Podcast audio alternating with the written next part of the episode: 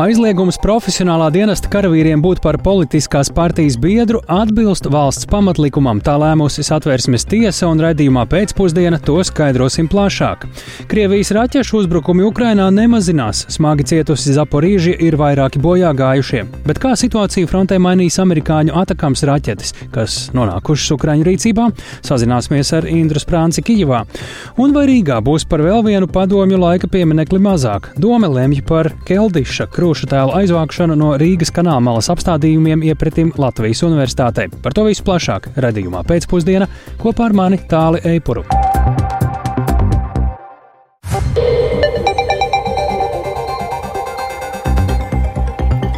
Pūkstens ir 16,5 minūtes, skan pēcpusdienas ziņu programma, skaidrojot šodien svarīgus notikumus. Studijā tālāk Eipurs. Labdien!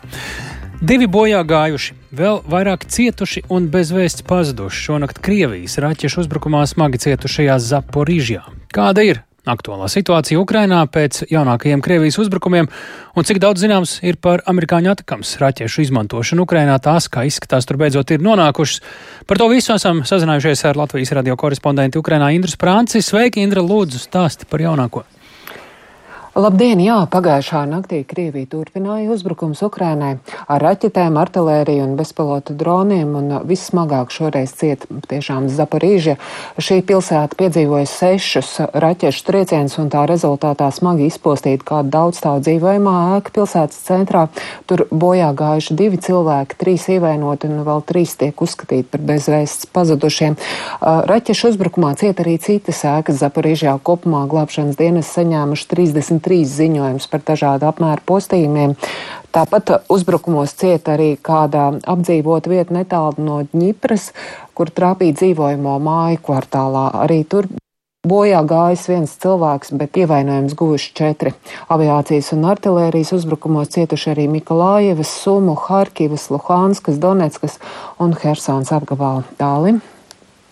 Jā, Indra, Lielbritānijas uh, aizsardzības ministrija ziņo, ka Krievija ļoti iespējams ir sākusi arī tādu saskaņotu ofensīvu uzreiz vairākās asīs uh, austrumu Ukrainā, un uh, šobrīd to sauc par spēcīgāku uzbrukumu vilni pat uh, pēdējos mēnešos. Par ko te ir runa un ko par to arī paši Ukraiņi saka? Nu, Ukraiņa šobrīd oficiāli atbild, eh, ka viņi turpina cīņu pret iebrucēju gan aizsardzībā, gan arī ofensīvā. Un tā, piemēram, Bahmutas virzienā pēdējās diennakts laikā ienaidnieks esot nesekmīgi centies atgūt zaudētās pozīcijas. Arī Avdīvi, kas apkaimē ienaidnieks turpināja mēģināt aplenkt pilsētu, bet Ukraiņas karavīriem izdevies pozīcijas nosargāt. Ukraiņas bruņoties spēki arī turpina pretuzbrukumu uz rietumiem no Verbovas, Zaparīžas apgabalā, bet patiešām Lielbritānijas eksperti ziņo, ka pēdējo mēnešu laikā Krievija ir audzējusi kaujas spējas Kupjānskas un Limānas virzienā, taču arī pašu Britu ieskatā Ukrainas karaspēkam šobrīd tur ir ievērojams aizsardzības spējas, un vismaz viņi prognozē, ka maz ticams, ka Krievijas kainiekiem izdotos izrautos uz priekšu šajā virzienā. Ukraiņi arī vakar pirmo reizi izmantoja no ASV slepeni atgādātās atakams raķetes, lai uzbruktu Krievijas militāriem mērķiem okupētajās teritorijās. Šīs raķetes strādā 165 km darbības radiusā, un Ukraiņi jau tās sekmīgi pār, pārbaudījuši uzbrukumos Krievijas karaspēka militārajiem objektiem okupētajā Berdjānskā un Luhanskā. Un kā šīs atakams raķetes varētu izmainīt situāciju frontē, šodien preses konferencē Kīvā tika veicāts arī Ukrainas bruņoto spēku operatīvās pavēlniecības dienvidi pārstāvē Natālijai Gumiņukai. Paklausāmies mazu fragmentiņu no viņas skaidrojuma. Це посилить наш контрнаступ, тому що основне контрнаступ. Tas stiprinās mūsu pretuzbrukumu, jo pamatā pretuzbrukuma mērķis ir iznīcināt ienaidnieka pozīcijas dziļā viņa iekšienē. Tas ir galvenais elements, kurš nodrošina iespēju pēc tam aktīvāk strādāt frontes līnijā un virzīties uz priekšu. Ņemot vērā, ka tad, kad ienaidnieks aktivizē aviāciju, bija skaidrs, ka nepieciešams uzbrukt tajos virzienos, kas nodrošina viņu vajadzības. Jā, un no Ukraiņa šobrīd arī sīkāk nekomentē nekādu informā informāciju, kādas vēl ir raķetes un kas viņiem būtu šobrīd ļoti akūti vajadzīgs. Taču uzsver sabiedrotie var būt droši, ka Ukraiņas bruņotie spēki atradīs veidu, kā likt lietā katru no sagādātajiem ieročiem, tajā skaitā arī raķetēm. Tālim. Jā, ir Kijivā kāda ir situācija, vai Krievijas raķetes uh, tiek virzītas un arī sasniedz galvaspilsētu, kā tur ir? Vakar, vakar, vakar pusē arī Kīvā bija vairāk nekā stunda ilga gaisa trauksme, taču uzbrukumu galvaspilsētu nesasniedz un īsnībā jau labu laiku nav sasnieguši. Šeit Ukrainā jau pat sāk minēt, ko nozīmē šis ilgušais klusums, jo nu patiešām ilgāku laiku Ukrainai nav bijis liels tāds masveida raķešu uzbrukums, kādus mēs atceramies kaut vai pavasarī, ļoti spēcīgus, intensīvus un, un liela apmērā un ilgus. Ir, protams, uzbrukumi, bet tie ir skaitliski mazāk, un, ja var tā teikt, nav, netiek radīts tik daudz raķetes. Un, un kā viena no versijām publiskajā telpā izskan, ka Krievija iespējams uzkrāja šos te ieročus raķetes, lai masveidā, masveida uzbrukums atsāktu tad, kad būs sākusies, piemēram, apkuras sezona. Šobrīd um, Ukrainā vismaz te galvaspilsētā tikai daļa ēku šobrīd ir pieslēgts apkurē, un šis, šis pamazām arī arvien vairāk un vairāk ēkas tiek pieslēgts. Jebkurā gadījumā, lai kāda būtu Krievijas plāni, Ukrainas bruņoties spēki, cilvēki solās būt gatavi tam un nepieļaut, ka cilvēki atkal paliks augstumā bez elektrības un ūdens, kā tas bija diezgan bieži pagājušā ziemā. Jā, ir tā kā saka, tad tas ir savu veidu signāls, ka Krievija nevar gluži tā svaidīties ar raķetēm šurp turpu, ka tur arī zināms trūkums vai līdzīgi. Paldies Indrais Prancei! Mēs uh, Uzklausījām viņu tiešraidē no Kijavas, tikmēr šodien arī esam uzzinājuši, ka Ukrainai piegādāti visi ASV solītie tanki Abrams, kopumā to ir 31. Ukrainā ir arī atgriezušies karavīri, kas operēšanai ar šiem tankiem kopš māja tika apmācīti Vācijā, piegādāti arī atbilstoša munīcija, rezerves daļas un arī pašus tankus atjaunināja vairākus mēnešus, un te jāpiebilst, ka ASV sūta vecākos M1A1 modeļus, nevis modernāko A2 versiju, jo tās piegāda Ukrainai prasītu nevis mēnešus, bet bet eh, gadu. Bet nu par otru šī brīža karsto punktu par Izrēlu un eh, karstas diskusijas par situāciju Izrēlā un Gazas joslā šorīt ritēja Eiropas parlamentā. Daļa deputātu aizstāvēja Izrēlas rīcību, citi Izrēlas atbildi sauc par neproporcionālu, tikmēr ASV prezidents Joe Baidens ir ieradies Izrēlā un izkāpjot no lidmašīnas, viņš paziņoja, ka aiz slimnīcas bombardēšanas Gazā visticamāk stāv Hamas teroristi. Vakar šo konfliktu arī tātad apsprieda Eiropas Savienības valstu līderi, un jaunāko informāciju par to ir apkopojis mūsu korespondents Ārķoms Konohaus, kurš pašlaik sēko Eiropas parlamentā spriestajam Strasbūrā. Sveiks, Ārķom! Nu, sāksim ar šā rīta debatēm Eiropas parlamentā. Kas tās diskusijas padarīja tik asas? Labdien, tālu, labdien, klausītāji! Tiešām diskusijas bija ļoti emocionālas, un to jau varēja gaidīt, jo situācija tiešām ir sakaitēta, un politiskām grupām ir ļoti atšķirīgi viedokļi. Un ne tikai politiskām grupām, bet arī Eiropas valstu līderiem un daudziem. Daži nostājās Palestīnas pusē, citi vairāk Izraēlas pusē, un tad arī savā starpā apmainās ar komentāriem un vaino viens otru vienpusējībā vai nepietiekamās informācijas sniegšanā.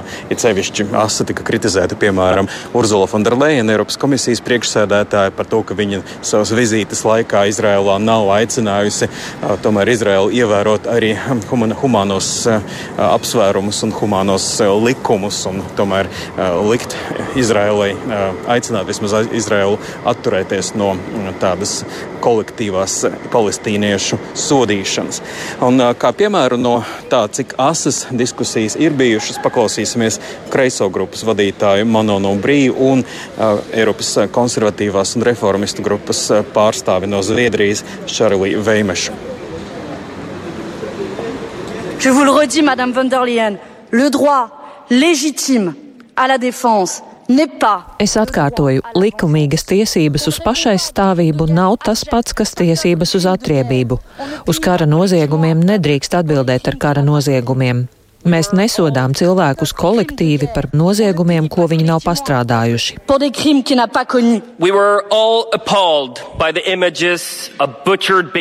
Mūs visus šausmināja attēli ar zvērīgi noslapkavotiem bērniem un degošiem cilvēkiem, ko paveica Hamas. Ak, piedodiet, diemžēl ne visus no mums. Ne to cilvēku pūļus, kas svinēja Eiropas ielās, un ne kreisos, kas brāļojās ar Hamas vadību.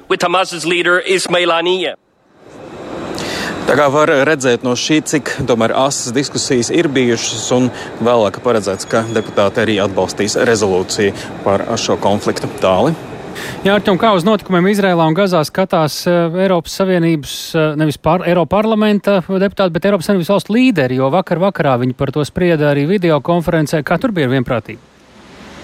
Jā, tur tiešām arī bija dažādi viedokļi, bet ar šo pasākumu Eiropa vēlējās parādīt, ka viņam tomēr ir kopīga nostāja un eh, kopīgs paziņojums tika pieņemts vēl pirms eh, notika šī sanāksme, un tur abas puses tiek aicinātas eh, uz mieru, un abas puses tiek aicinātas tomēr pārtraukt vardarbību un tiek skaidri arī nosūtīta Hamas rīcība. Tā kā šādi arī mēģināja Eiropas līderi parādīt, ka viņiem tomēr ir kopīga nostāja, jo viņa pēdējā laikā ir plaši kritizēta kritizēta par to, ka viedokļi ir ļoti, ļoti atšķirīgi un katrs saka kaut ko citu.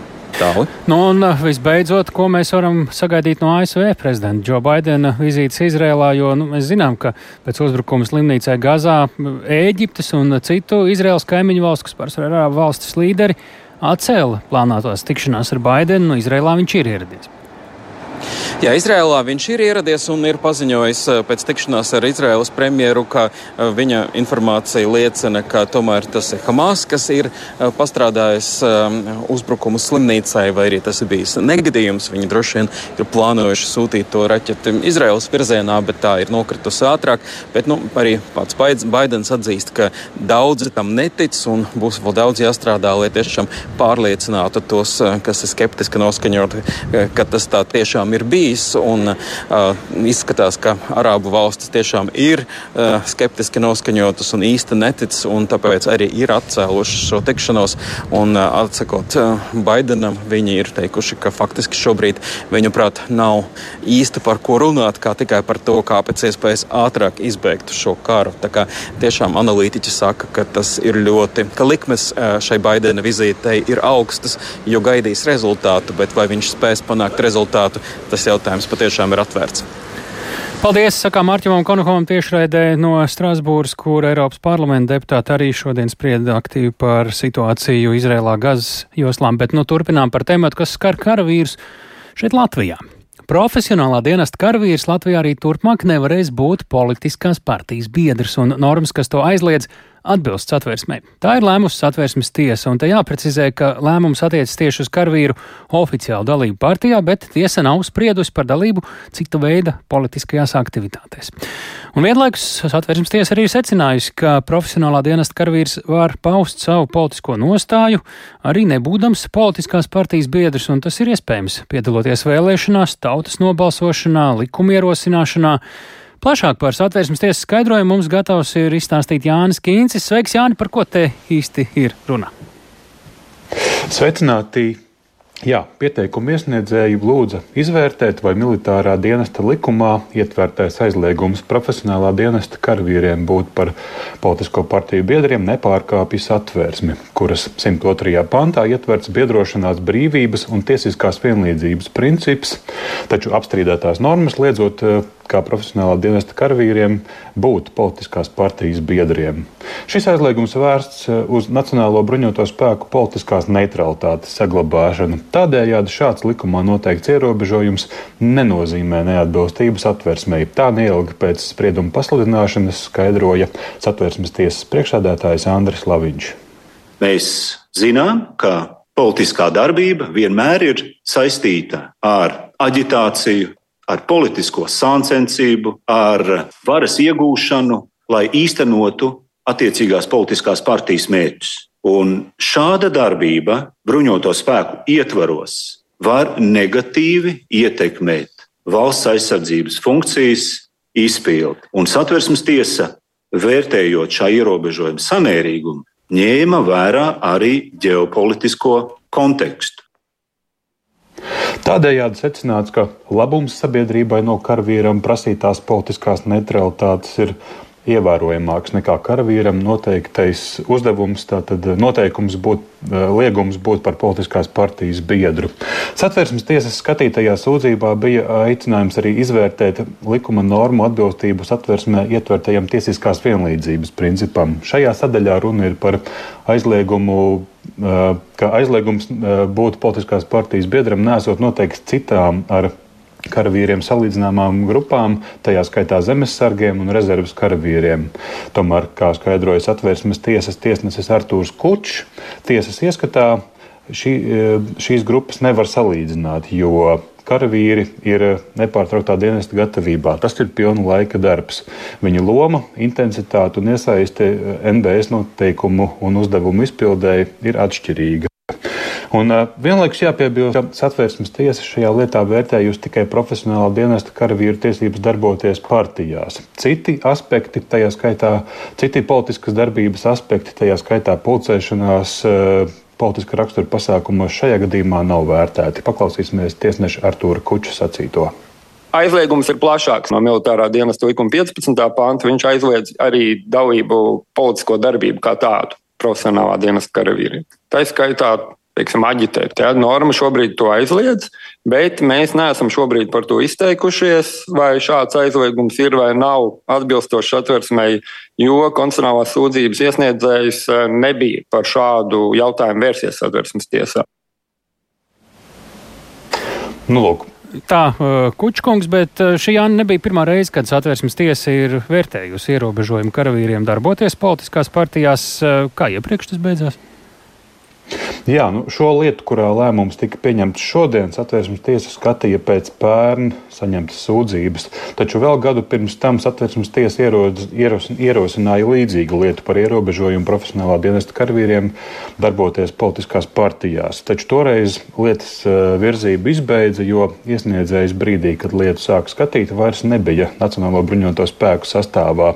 Un te nu, kontekstam arī arī jāatgādina NBS komandiera Leonīda Kalniņa iepriekš iepriekš Latvijas televīzijai stāstītais, ka karavīriem kopumā nemaz nesot ļoti bieži eh, zinām šī interese par darbošanos politiskajās partijās.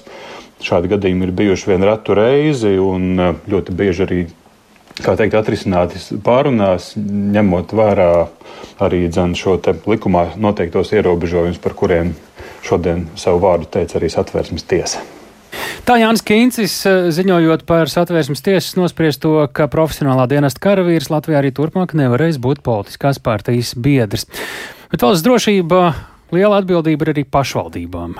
Šobrīd tās saskars ar nopietnām finanšu grūtībām, un grūtībās nonākušajām pašvaldībām Finanšu ministrija nākošā gada budžetā piedāvā papildus pārdalīt 2,3 miljonus eiro tieši pamatfunkciju nodrošināšanai. Un vienlaikus ar ministriju aicina pašas pašvaldības efektīvāk pārskatīt izdevumus, un pašvaldību savienība gan saka, ka papildus vajag krietni lielāku summu, jo naudas trūkst. Nu, te ir vesela rinda kredītprocentu, energoresursu cenu, minimālās algas, pedagoģa atalgojumu un vēl arī citu izdevumu pieauguma dēļ. Un šodien ministrija solīja pēc valsts budžeta pieņemšanas pārskatīt arī kopējo pašvaldību finansēšanas sistēmu. Šīs dienas pašvaldību un finanšu ministrijas sarunām līdzi ir sakojusi Sintīna Bote. Viņa arī pievienojas studijās. Sakot tev labdien, uzreiz vaicāšu, kāds tad šobrīd ir pašvaldībām kopumā tas nepieciešamais papildu finansējums tieši runājam par pamata funkcijām un to nodrošināšanu uh, nākošajā gadā. Mm, sveiks, tālāk, sveicināti klausītāji. Pašvaldības savienības vadītājs Gins Kamīnskis lēš, ka pašvaldībām jau ierēķinot tos ienākumus, kas atgriezīsies no iedzīvotāja ienākuma nodokļa, tāpat nepieciešama papildu ap 20 miljonu eiro pamata funkciju veikšanai. Eh, Finanšu ministrija pagaidām ietverām sola papildu rast tātad šos 2,3 miljonus eiro valsts budžetā un plānots, ka 19 pašvaldībām naudu piešķirs pēc vienotiem kritērijiem, ņemot vērā to iedzīvotāju skaita un struktūras izmaiņas un pieeja pieejamo finansējumu pēc pašvaldību finanšu izlīdzināšanas. Varam paklausīties finanšu ministra Arvila Ašradena no jaunās vienotības komentāru. Vismaz šis jau finansējums mums ir, un Finanšu ministrija ir sava algoritma, kādā veidā mēs rēķinām nepieciešamo minimumu, lai to varētu nodrošināt. Un tā ietvaros mēs esam meklējuši papildus līdzekļus no valsts budžeta. Ja mēs skatāmies kopējo pašvaldību situāciju, tad patiesībā Latvija finansē pašvaldības būtiski vairāk nekā citas Eiropas Savienības dalību valstis. Un šī gadījumā tad ja mums jārunā jau par daudz dziļāku struktūras maiņu. Tas būtu pašvaldību izlīdzināšanas sistēmas maiņa, no respektīvi garantēts izmaksu līmenis līmeni kas pašvaldībai kādas funkcijas viņai jāveic. Ja? Nu, tas mums nav šobrīd šāda algoritma. Tātad šobrīd mēs to nepārskatām, jo budžets jau tuvojās, bet šī brīdī mēs risinām šo jautājumu ar valsts budžeta uh, piešķirtību.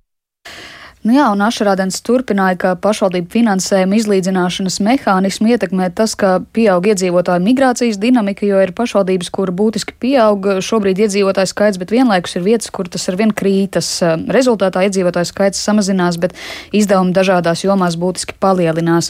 Vidēji valstī pašvaldībām nākamgad budžeta palielinājums būs 8%, tomēr, piemēram, Krāslavas novadā pieaugums būs 1,5%, un tas nenoseks būtisko izdevumu pieaugumu pieaugumu. Kritiskākā situācija ir uh, visās Latgales pašvaldībās, īpaši Augstdaugavas novadā un Krāslavas novadā tā papildināja Kaminskis. Jā, un tie iemesli mēs nedaudz jau virsrakstu līmenī pieminējām, bet uh, izstāst varbūt plašāk, kādēļ pašvaldībās ir šis finanšu līdzekļu deficīts uh, to topošs un nesošs.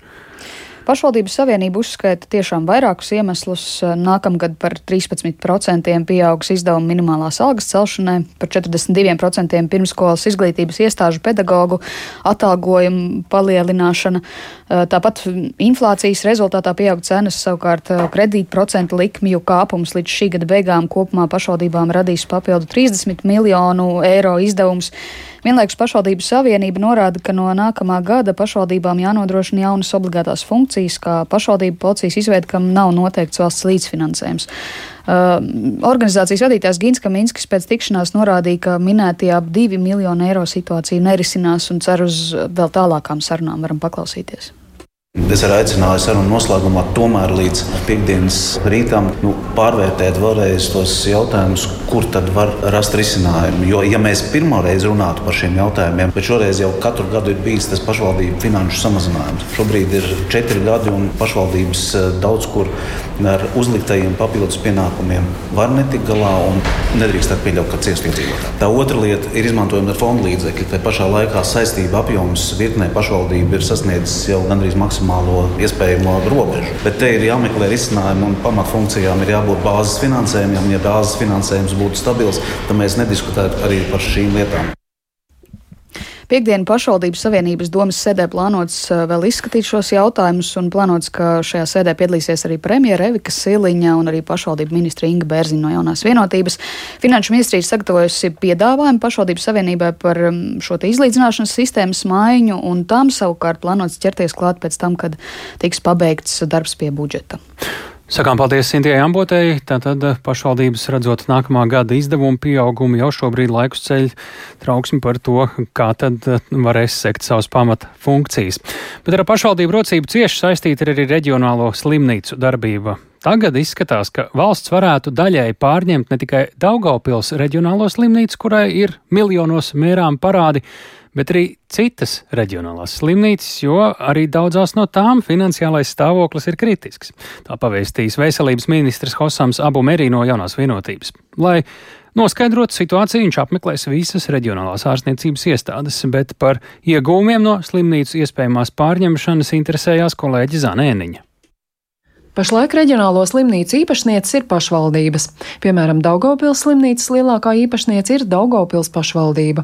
Tā ir gandrīz 90% daļu, bet atlikušās pieder Augstdaugavas novadam un Rīgas Stradiņa universitātei. Šī iestāde ir milzīga daudzprofilu slimnīca. Ikdienu tajā uzņem aptuveni 100 pacientu un strādā ap 1700 darbinieku. Valsts šajā iestādē pērk pakalpojumus, bet, kā jau vairāk kārt ir teicis iestādes tagadējais vadītājs Grigorijs Semjons, miljonos, nauda, ko iedod no valsts budžeta, nenosedz pakalpojumu patiesās izmaksas.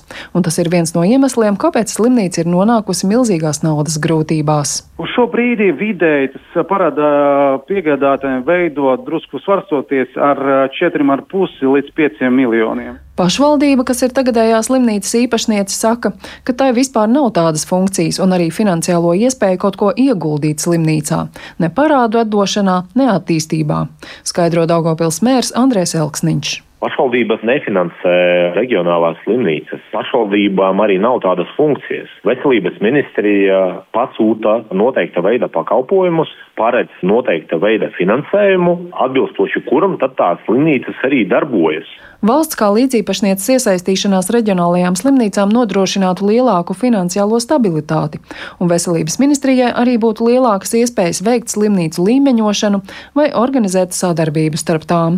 Tā paudis veselības ministrs Hosams Abumērī no jaunās vienotības. Ja mēs gribam efektīvi un mēs gribam, lai reģionālas slimnīcas sadarbotu kopā, tad nepieciešams, lai valsti pārņemt daļēji. Tas nozīmē, ka mēs valsti kaut kāda veida no kapitāla liela dala mums ir jāpaņem, lai vienkārši eh, valsti būs iespējama arī lemt par izmaiņām. Daugopils reģionālās slimnīcas valdes loceklis Grigorijs Semjānovs savukārt akcentē, ja valsts iesaistītos kā līdzīpašniece, tai būtu arī jāuzņemas atbildība par iestādi, taču tas nebūtu vienīgais ieguvums. Pirmais, protams, kas saka, palielināt pamatkapitālu, kas arī finansiāli mums radītājus uzlabot un ļautu tur turpināt to līdzfinansējumu par erāfiem, saņemt erāfu finansējumu attīstības projektu ietvaros. Tas ir vienais, un otrais, kad ir līdzdalība, var pārsīt līdzatbildību.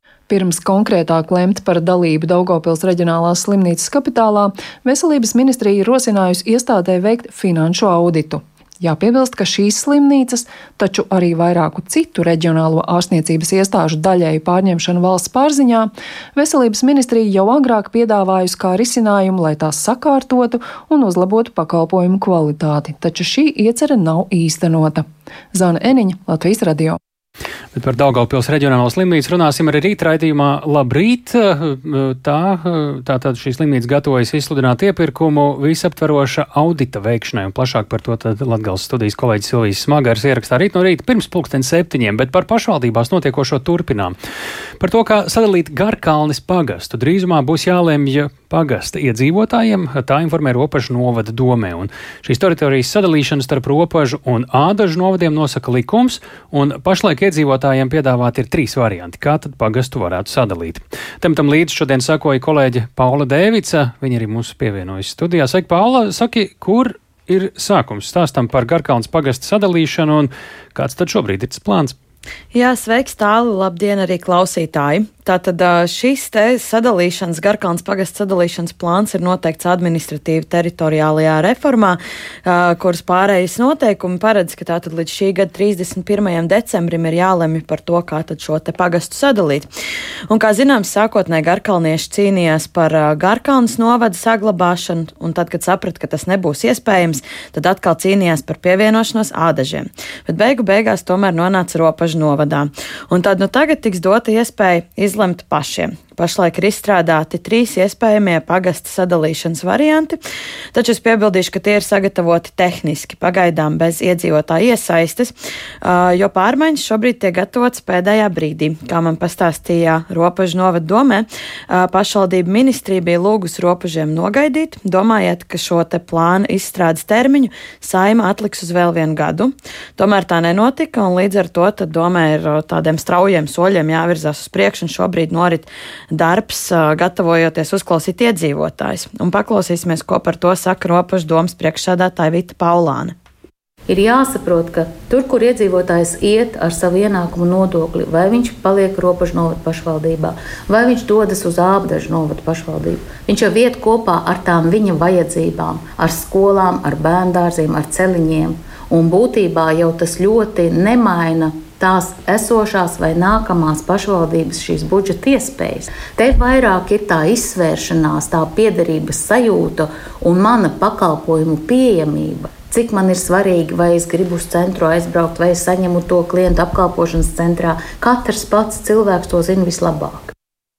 Jā, tikko dzirdējām robežu domas priekšsēdētāju Vitu Paulāni tāli. Nu jā, saka, Pauli, cik tāda šobrīd ir daudz zināms par iedzīvotāju viedokli? Tā aptauja oficiāli vēl nav notikusi, vai jau ir redzams, uz kuru pusi viņi skatās, kā viņi vēlas, lai to pagastu sadala vai kam pievieno? Jā, Latvijas radio šodien uzrunāja iedzīvotājs Garkalnas ielās, un lielākoties ļaudis īsti par gaidāmo sadalīšanu nemaz neko nezināja. Vairāk cilvēki arī godīgi atzina, ka viņiem dzīvē nekas daudz nav mainījies kopš Garkalnas pievienošanas robežiem, un līdz ar to viņi arī īpaši neiespringst uz to sadalīšanu šobrīd. Teica, ka sadzīvos ar visiem, un daudz neko tas ikdienā nemaina. Citi savukārt cer, ka izdosies panākt pievienošanos ādažiem. Un paklausīsimies, ko tad iedzīvotāji man stāstīja. Ādaži ir очень удобно. Улбраку, ой, нет, нет. Bet uz ādažiem aizbraukt ir ērti. Bet tiešā transporta uz Ulbruku nav. Tur ir ļoti tālu. Man ļoti patīk ādaži. Tur ir tāda infrastruktūra, veikali, skaistums. Es pat neiedziļinos. Jūs pat nedzirdat, jums vienalga. Lielam jā, abi labi. Jūs jūtat kaut kādu atšķirību tagad, kad ir ropaži? Nē. Nē. Абсурд. Вы семью можете разделить? Tas ir absurds. Vai tad ģimene var sadalīt divās daļās? Šī jaunā kārtība ieviesīs jaunus noteikumus, atkal jaunu kārtību.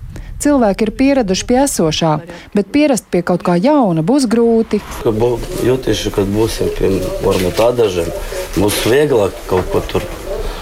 Man patīk braukt uz uh, basēnu ādēžiem, varbūt būs kaut kādas atlaides, nu, tāda ziņa. Nu, es nezinu, nu, droši vien, kad ne jau paši garkalni pievienos ādēžiem, pievienos. Tas ir viens no variantiem. Nu, jā, bet uh, visdrīzāk tie cilvēki, kas dzīvo teiksim, tuvāk ādažiem, tas ir Baltazars, tas ir Priežlējas un Prietkalni. Tie jau ir tuvāk ādažiem. Un tos būtu loģiski pievienot, kā jums liekas? Nu, es domāju, ka jā.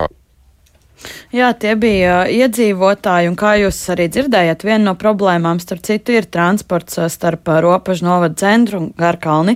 Šobrīd uh, iedzīvotājiem, kam tas ir nepieciešams, kas visbiežāk ir seniori, ir jābraukā caur Rīgu. Un uh, es arī uzsvēršu, ka tātad šobrīd pašlaik ir uh, sagatavoti trīs uh, varianti. Jā, kā, kā ir, apmēram? Kā sadalīt Garkalni, un uh, viens no tiem ir pavisam neliels, kur tā teikt nopaļo robežas, uh, kaut kāda neliela celiņa un tam līdzīgi. Vidējais variants ir pievienot pāris uh, pagasts, kas ir uh, vistuvāk uh, ādažiem, un pēdējais variants sev iekļauj vislielāko sadalīšanu, kur arī pati Garkalnas, uh, Garkalnas ciems tātad uh, pāriet ādažu novadā. Un daļa atkal paliek robežu novadā. Daļa paliek robežu novadā, mm. tieši tā.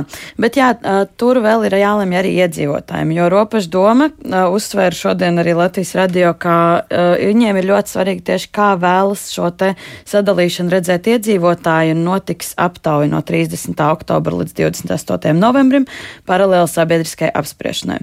Aptaujas mērķis ir apvienot tātad pēc iespējas vairāk iedzīvotāju viedokļus, lai tad izstrādātu plānu, kas visvairāk atbilst sabiedrības interesēm. Līdz ar to iedzīvotāji piedalīties var gan Mana balss LV, gan arī pagastu pārvaldēs klātienē. Un, jā, robežu novads tiešām aicina cilvēku šoreiz būt aktīviem, lai pēc tam tad nav rūkums par to, kā ir lēmuši līdz cilvēki. Sakām lielu paldies Paulai Dēvicai. Tātad uh, par to bija stāsts, kā rit. Uh, Garkalnis pagasta vai nu sadalīšana vai pievienošana starp ādažu un ropažu novadiem. Bet vai Rīgā būs par vēl vienu padomju laika pieminekli mazāk, vai arī tas mainīs vietu? Šobrīd Rīgas doma lemj par Mstislava Keldiša krūštēlu novākšanu. Tas atrodas Rīgas kanāla malas apstādījumos iepratim Latvijas universitātei. Kas īsti bija Mstīslavs Keldišs un vai visi ir viensprātis par pieminekļu turpmāko likteni? Par to, to pie mums studijā ir gatava pastāstīt kolēģi Agnija Lazdiņa. Sveika, Agnija! Nu, Atgādini, kas vispār uh, bija Mstīslavs Keldišs, jo nu, tas, ko daudz rīdzinieki varbūt vairāk atceras, ir, ka pavisam nesen galvaspilsētā bija iela, akadēmiķa Keldiša iela. Tagad tā ir nepilnu gadu tikai jāsaka Braļkaudzīšu iela. Kā tur ir? Vai ar pieminekli viss tikpat ātri var notikt, kā ar pārdēvēšanu, vai tur ir kaut kas sarežģītāks, ar ko vispār ir šis cilvēks zināms atgādājums? Jā, labdien! Keldišu padomju laikos cildināja kā zinātnieku un par sevišķiem nopelniem zinātnes un tehnikas attīstīšanā, pasaulē pirmā cilvēka pilotējumā kosmosa kuģa Vostok radīšanā un sekmīgā palaišanā viņam piešķir, piešķīra sociālistiskā darba varoņa titulu. Un ar PSRS augstākās padomes prezidentu prezidija dekrētu viņš ir arī apbalvots ar otro zelta medaļu Sirpis un Āmurs. Šo krūšu tēlu, ja pieminekli Keldišam uzstādīja vēl viņam dzīvam esot, proti 1978. gadā, jo Keldišs pats nomira tā paša gada vasarā. Un tas esot uzstādīts pēc Maskavas aicinājuma, un kādreiz tā labajā pusē bijuši piestiprināti arī Keldiša apbalvojuma atlējumi bronzā, taču tie esot zuduši 90. gados. Un, ja tiks lemts par tā pārvietošanu, tad Rīgas pieminekļu aģentūra to pārvietos uz aģentūras noliktavu. Un, kā man sarunā stāstīja publiskās atmiņas centra padomes loceklis Didis Šenbergs, sabiedrība Keldišu galvenokārt pazīst pēc Krievijas propagandas titula kā kosmosa teorētiķi, tā aizēno, aizēnojot visu pārējo, proti viņa sasniegumus PSRS militārajā kompleksā jeb darbu pie kodolieročiem.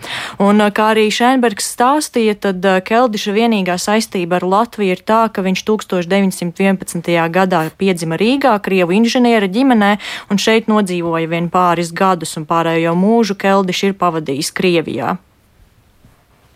Keldišs ir viens no 120 cilvēkiem pasaules vēsturē, kas ir apglabāti Kremļa sienā sarkanajā laukumā, visaugstākajā komunistiskās varas centrāla komitejas vadības nekropolē. Keldišs ir tikai viens no 16 trīskārtējiem sociālistiskā darba varoņiem padomju savienībā. 12 no šiem visaugstākā komunistiskā totalitārā režīma pagodinājumu izpildījušamies cilvēkiem to ir ieguvuši tikai par kara mašīnas veidošanu, par tankiem, par lidmašīnām vai kodolieročiem. Šodien biju arī pie pieminekļa, kas šobrīd gan ir norobežots nokritušo koku dēļ, taču man izdevās uzrunāt vairākus cilvēkus, kuri visi atzina, ka viņiem nav ne mazākās nojausmas, kas tas ir par pieminekli un kam tas ir domāts. Paklausīsimies viņu teikto. Nu, manuprāt, varbūt šādam piemineklim vajadzētu atrasties kādā muzejā, tīri kā atmiņai no PSRS laikiem, bet varbūt vietā pie augstskolas un pie skolām tas varbūt nebūtu baigētiski. Protams, devums ir uh, nozīmīgs un tādā ziņā militārajai visai tai pasaulē noderīgs, varētu teikt, bet, nu, ņemot vērā kaut kādas cilvēktiesības vispār, tas gan nebūtu pārāk ētiski. Es esmu, man personīgi netraucē, bet, ja tas ir tāds padomju, varu saistīt, tad varbūt, nu, nekas slikts nenotikt, ja arī viņu nojaukt. Jā. Viņu varētu novākt, un viņiem ir kaut kāda paredzēta vieta, kur viņi tiek uzglabāti. Viņus jau nemet kaut kādā no miskastē vai kur viņi. Man liekas, bija taču vieta, kur atvēlēta visiem mm -hmm. šiem pieminekļiem. Tur lai arī uzglabā. Jāpiebilst, ka ne visi tā domā, jo šodien pie Rīgas domas pulcējās neliels skaits cilvēku uz piketu, kurā tad iebilda pret pieminekļa pārvietošanu, un viens no piketa organizatoriem bija Rīgas domas deputāts Miroslavs Mitro, Mitrofanovs no Latvijas Krievu Savienības, kas uzsver, ka plānotā pārvietošana nav īsti pārvietošana, bet gan citēju pēc būtības demontāža un atlikumu glabāšana meža nomalā aiz krematorijas. Un viņa prāt varētu runāt par pārvietošanu uz kādu sagatavotu publiski pieejamu vietu pilsētā, kur piemineklis stāvētu uz pamatiem, nevis gulētu uz smilts ar seju zemē. Un par to, vai pieminekli ir nepieciešams pārvietot Rīgas domas deputātu viedokli, viedokļi patiesi atšķiras. Arī Tēlnieks un Rīgas domas deputāts no kustības par Ivars Drulle uz pieminekli vairāk raugās caur tā autoriem, proti pieminekļa arhitektu Georgu Baumani un tēlnieku Ļevu Bukovski. Paklausīsimies viņa teikto. Mūsu redzējums ir tāds, nu, ka viņam tomēr ir jābūt uh, redzamam nu, publiskā vidē. Viņu iespējams varētu pārvietot. Tas nav nekas tāds, ka viņam ir obligāti jābūt iecementētam nu, tieši tajā vietā un nekur citur. Viņš varētu atrasties arī kādā citā nu, teritorijā, bet nu, mans redzējums tāds ir, ka nu, tam ir jābūt kaut kādam parkam vai kaut kādam skvēram vai novākt to pieminekļu. Kaut ko teritoriju, kur mēs varam redzēt viņus, un tad viņi varētu likt. Jāpiebilst, ka šis nav pirmais piemineklis, ar kuru šādi notiek. Šī gada maijā Rīgas pieminekļu aģentūra no Kronvalda parka pārvietoja uz noliktavu Krievu dzēnieka Aleksandra Puškina skulptūru, lai vēlāk to nodotu valdījumā Latvijas Mākslinieku savienības muzejam, ar kuru panākta konceptuāla vienošanās par šī pieminekļa glabāšanu un turpmāku izstādīšanu. Tāpat arī ir demontēts piemineklis rakstniecei Annai Saksai pēc Rīgas pieminekļu padomes balsojuma un ir bijusi bijušas diskusijas arī par rakstnieka Andrija Upīša pieminekļa nojaukšanu. Līdz ar to šis nav pirmais un iespējams arī ne pēdējais piemineklis. Jāatzīst gan, ka Rīgas domas sēde šobrīd vēl notiek un debatas par pieminekli vēl ir tikai gaidāmas drīzumā, līdz ar to par to paziņosim vēlāk, kāds būs tas rezultāts. Tas ir tuvāko dienu, nedēļu, mēnešu jautājums. To nevar zināt šobrīd, vai var? Vai šobrīd pagaidām vēl nesaka īsti to precīzo laiku, bet tas nebūtu ilgi, tas notiktu diezgan ātri. Paldies Agnijai Lazdiņai tik tālu par Mstislava Keldiša pieminekli Rīgā, kurš atrodas krastmalas apstādījumos iepratim Latvijas universitātei. Tātad šobrīd ir aktualizēta diskusija par to, ko ar šo monumentu darīt tālāk. Šis bija ziņu raidījums pēcpusdiena. To veidoja Tālis Eipors, Ilzi Agīnta, arī Renāša Steimans un Una Gulbe. Un atgādinām, ka šo raidījumu pavisam noteikti jau pēc brītiņa varēs arī noklausīties Latvijas radio mobilajā lietotnē. To jūs varat izdarīt sev vērtā laikā. Ar šo jūs varat arī dalīties eh, ar tiem cilvēkiem, kuriem, kā jums šķiet, šo raidījumu vajadzētu dzirdēt. Nu, un, protams, visās lielākajās raidierakstu platformās meklējiet eh, šo raidījumu ar nosaukumu Dienas ziņas. Pavisam noteikti tiekamies arī rīt. Parīt, kā jau katru darba dienu pēc ziņām, 4 un 5 minūtēs.